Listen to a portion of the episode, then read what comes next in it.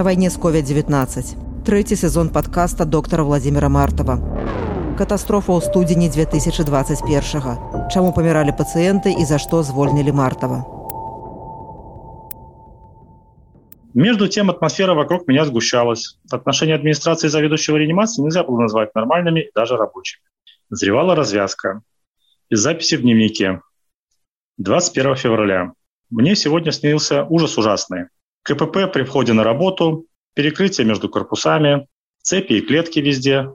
Главный врач в мантии в черном берете академика судьи. 1 марта меня вызвали в отдел кадров и предупредили о непродлении со мной контракта.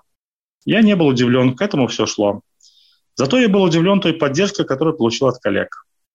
Большинство было шокировано тем, что меня не просто снимали из заведования, это как раз дело обычное, а что меня вообще увольняли.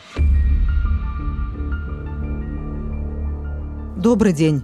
З вами журналістка свабоды Ганна Соус і вы слухаеце трэцюю частку трэцяга апошняга сезону падкаста доктара Владзіміра Мартава на вайне з COVID-19. Ён прысвечаны трагічным падзеям у віцебскім шпіталі хуткай дапамогі ў студзені 2021 году, якія прывялі да смерці хворых на каранавірус пацыентаў. Вынікам стала звальнення загадчыка аддзялення анестэзіялогіі рэанімацыі Владзіміра Мартава, які гучна гаварыў пра праблему ў сістэме і спрабаваў прадухіліць паўтарэнне трагедыі ў іншых шпіталях. У трэцяй частцы падкаста вы пачуеце. Доктар працягвае змагацца за справядлівасць. Інтэрв'ю мартава незалежнаму сМ каментуе Лукашенко. Ён загадвае паставіць доктара на месца.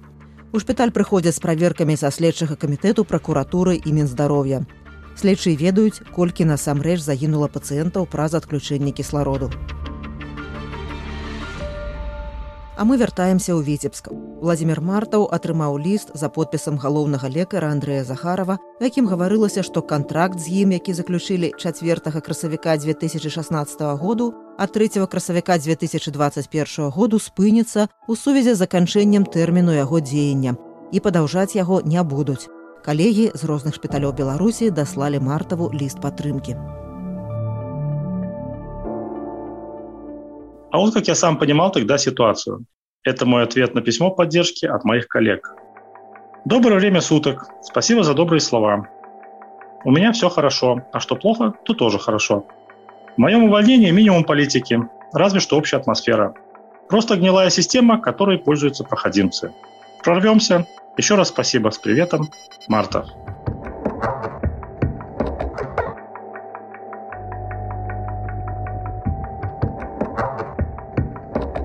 Но проиграв сражение, я совсем не собирался просто так оставлять поле боя. 3 марта я обратился к журналистам Тутбай с пожеланием дать интервью. Я собрался придать огласке состояния дел с подачей кислорода в моей больнице. Меня ужасала мысль, что эту тему администрации удастся замазать, что все пойдет по-прежнему, что перебои с подачей кислорода будут продолжаться, как ни в чем не бывало. Большое интервью со мной вышло 10 марта и вызвало шквал отзывов. Однако так называемая гнилая система с проходимцами быстро нанесла ответный удар. 12 марта мое интервью неожиданно прокомментировал Александр Григорьевич Лукашенко. Дело приобрело совсем невеселый оборот. А что там в интернете какой-то врач заявлял о том, что... Да что там за проблема? Что там за проблема? Не хватает кислорода. Слушай, это было... Я не думаю так, чтобы не хватало там Нет, кислорода. Хватает, там на хватает пике было небольшие перебои, мы там комиссию высылали. Ну, человек... э, Ну, если это контракт- очередная политика, так надо на место ставить. Нам не до политики сейчас. И пресекать подобные вещи. Если там действительно есть проблема, ну так ее надо решать. Надо ее решать. Как же ее решать, если ее нет? Оторванность верхов и низов при пандемии достигла апогея. А что, у вас какие-то проблемы? Разве у вас есть проблемы? Да какие у вас могут быть проблемы?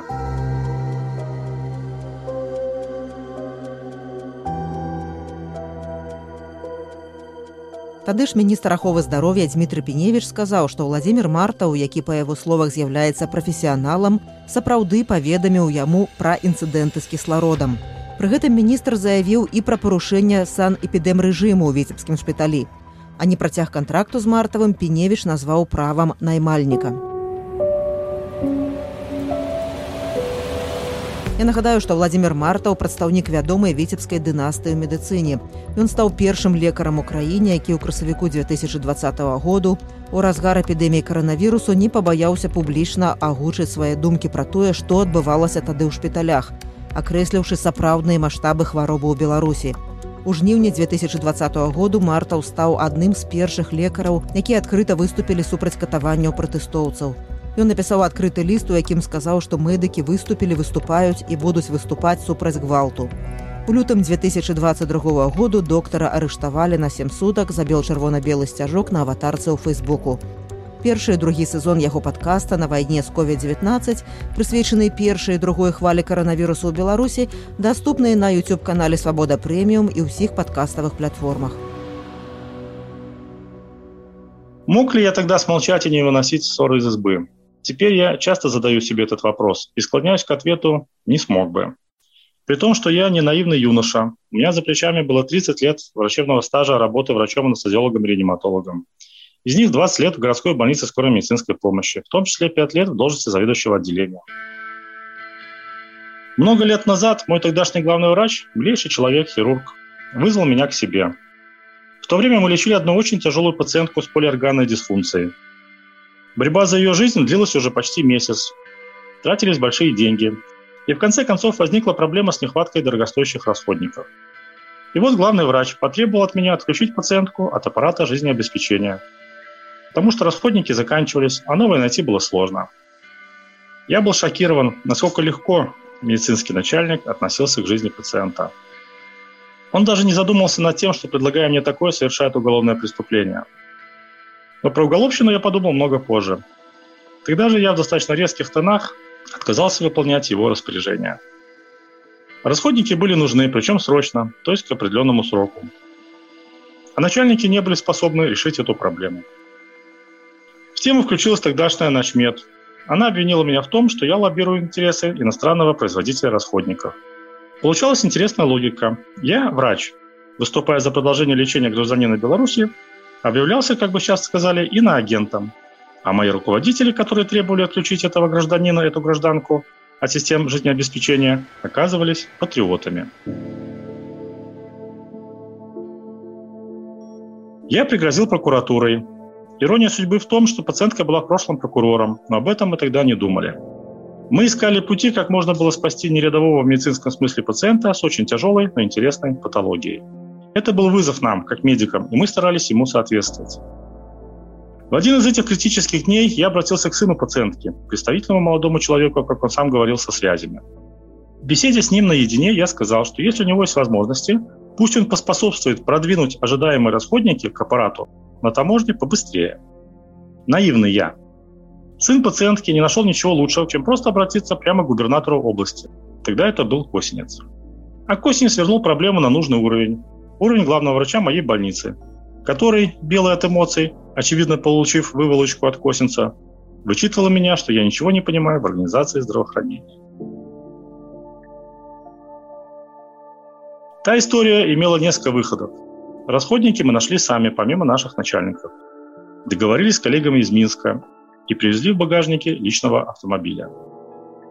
Погрузка и выгрузка расходников и их транспортировка на личном автомобиле легко могла быть расценена как хищение. Но иначе не получалось, легальная система не работала. Как говорится, дешевле похоронить. Именно тогда я в сердцах сказал организаторам здравоохранения, что же вы, блин, организовываете? Смешное воспоминание. В процессе погрузки и выгрузки ящиков с расходниками я сломал палец на левой руке. Учитывая ситуацию, я не брал больничный лист, а продолжил работу в гипсе. Рука была левая, я работал в реанимации. А на отдельные манипуляции, например, интубацию трахеи, звал коллег помочь. Стычка с администрацией тогда не стала для меня фатальной. Во-первых, мы нашли расходники сами и сами справились. Во-вторых, мой перелом на рабочем месте в рабочее время спрятали. В объяснительной для охраны труда я написал, что сломал руку не на работе. За это мне выдали премию. А главное, противоречия еще не были антагонистическими. Мы делали общее дело и были способны найти общий язык даже после чудовищных обвинений. Коллегиальность еще работала. В конце концов, пациентка погибла. Обидно, что мы, реаниматологи, тогда с ее проблемами справились. Полиорганная дисфункция разрешилась. Но развились новые осложнения, с которыми не справились уже хирурги. Цинично рассуждая, мы прошли тогда три четверти пути. Получили бесценный опыт. И мы, и хирурги, который впоследствии очень пригодился и позволил помочь большому числу пациентов в схожей ситуации. Начальники моей больницы и главный врач Начмед вскоре лишили своих должностей. Это произошло по своим причинам, но некая карма в этом событии, как я сейчас думаю, была. Я продолжил работать, через пару месяцев был назначен заведующим. А сейчас я опять столкнулся с организаторами, которые не способны решать проблемы и ничего не могут, кроме как руками водить, держать и не пущать, которые опять готовы приносить жертву пациентов, лишь бы было тихо. Но теперь они могли включать политику со всеми вытекающими отсюда последствиями. Коллегиальность пропала.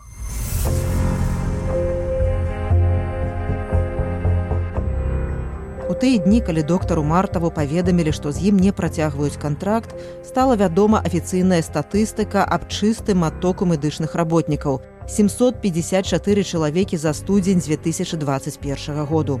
Вакансія ў лекараў спецыялістаў на 10 сакавіка было 2835, агулам вакансія медыкаў з улікам ветэрынараў 4335 чалавек. Агулам у галіне аховы здароўя за 2020 год звольненых было больш, чым прынятых на працу на 3391 чалавека. Пра звальненне медыкаў праз палітычныя погляды альбо за ўдзел у пратэстах міністэрства ў статыстыцы не згадвала. Мое выступление на Тутбай все-таки заставило организаторов наших побед зашевелиться. Комиссии пошли косяком. Первыми ко мне пришли следователи Следственного комитета.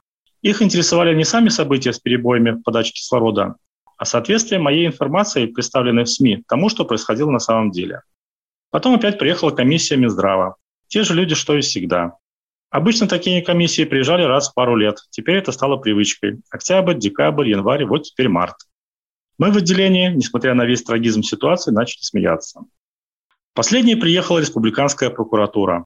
Она устроила смотр-конкурс, проверила, как мы должны справляться в случае перебоя с подачей кислорода в больнице и уехала. Вот ей точно было все равно. И она просто написала документ отписку.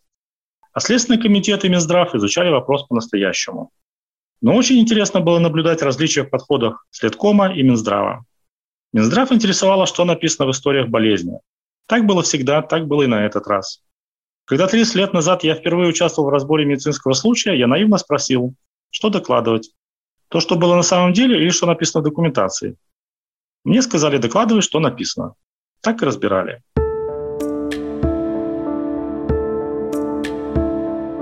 Пакуль праходзілі праверкі, медыкі выказвалі салідарнасць з мартавым. Кандыдат медычных навук загадчык аддзелу перспектыўных напрамкаў высокатэхналагічнай медычнай дапамогі навукова-практычнага цэнтру транспланталогіі і гематалогіі Дмітрый Харкоў напісаў заяву аб звальненні на знак салідарнасці з вісебскім калегам. Вядомы трансплантолях вучыўся ў віцебскім медычным інстытуце, а бацька Владзіміра Мартава, прафесор, доктар медычных навук Юры Барысавіш Мартаў выкладаў у яго хірургію. Харкоў публічна звярнуўся да галоўнага доктара віцебскага шпіталя хуткай медычнай дапамогі Андрэя Захарова, да старшыні беларускай асацыяцыі лекараў Дмітрия Шаўцова і да прафсаюзнага лідара медыкаў Вячаслава Шылы. Вельмі крыўдна, што ніхто не абараняе чалавека, ні прафсаюзы, ні асацыяцыя лекараў. Пытанне паўстае шырэй, бурыцца сістэма каардынат, бурыцца сістэма маральных прынцыпаў.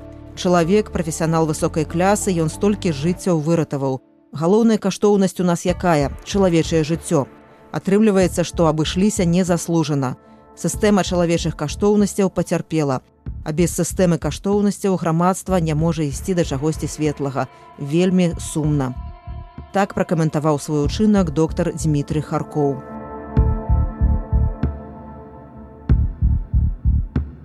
А мы вяртаемся да аповеду доктара Мартова пра вынік праверак. В отличие от комиссии Минздрава, следователи не интересовала документация. Они опрашивали всех врачей, медсестер и санитарок тех смен, всего человек 30. Витебск – это большая деревня, все всех знают. И одна медсестра спросила у следователя своего старого знакомого, а зачем вы это делаете? Вы же понимаете, что вам ничего не дадут расследовать, и дело спустят на тормозах. Следователь ответил, мы все сделаем на совесть, как положено. Начальство дальше пусть решает. Я мог ожидать, что работа Следственного комитета грозит мне большими неприятностями. Но, судя по всему, в своем интервью журналистам Тутбай я не сильно исказил факты. До сих пор в недрах Следственного комитета хранится бесценная информация о событиях 7-8 января Витебской БСМП. Возможно, они даже знают, сколько на самом деле тогда погибло пациентов. Кроме всего прочего, следователи изъяли карты памяти дыхательных аппаратов, которые точно зафиксировали все события и все тревоги. А комиссия Минздрава ожидаемо не нашла ничего страшного в перебоях с подачей кислорода. В историях болезни всего двух пациентов было отмечено, что прекращение подачи кислорода привело к ухудшению их состояния. Эти истории были изъяты для более подробного изучения. Но учитывая, что пациенты, пережившие гипоксию, умирали не в этот день, а в течение нескольких последующих, общий вывод Минздрава на основании работы комиссии гласил, что перебои с подачей кислорода не привели никаким фатальным последствиям. Люди болели тяжелым заболеванием, их лечили, они умерли. Что же здесь такого? Недавно назначенный новый заместитель министра здравоохранения сформулировал свежий слоган в борьбе с коронавирусной инфекцией. Кислород не важен. А много позже, 9 октября того же 2021 года, министр Пеневич на центральном телевидении рассказал о важности кислорода и важности системы бесперебойной его подачи. К этому времени я уже не работал. Чацвертай апошняй частцы падкаста доктара Мартава вы пачуеце. Інтэрв'ю ў невялікай кватэры студыю Менску ў шпіёнскай атмасферы. З мартавым хоча пагаварыць Андрусь Любецкі. Сустрэча не адбылася праз арышт вядомага сківічнага хірурга. Выснова камісіі Мінздароўя без мартава ў шпіталі стане лепей. Як звальнялі бацьку доктара Юрыя Мартава праз канфлікт з косінцам. Доктар пераязджае жыць у вёску. Апошнія лекцыі на кафедры транспланталогіі ў Менску. У шпіталі хуткай дапамогі пачалася рэканструкцыя кіслароднай сістэмы. Ці мартаў перамог.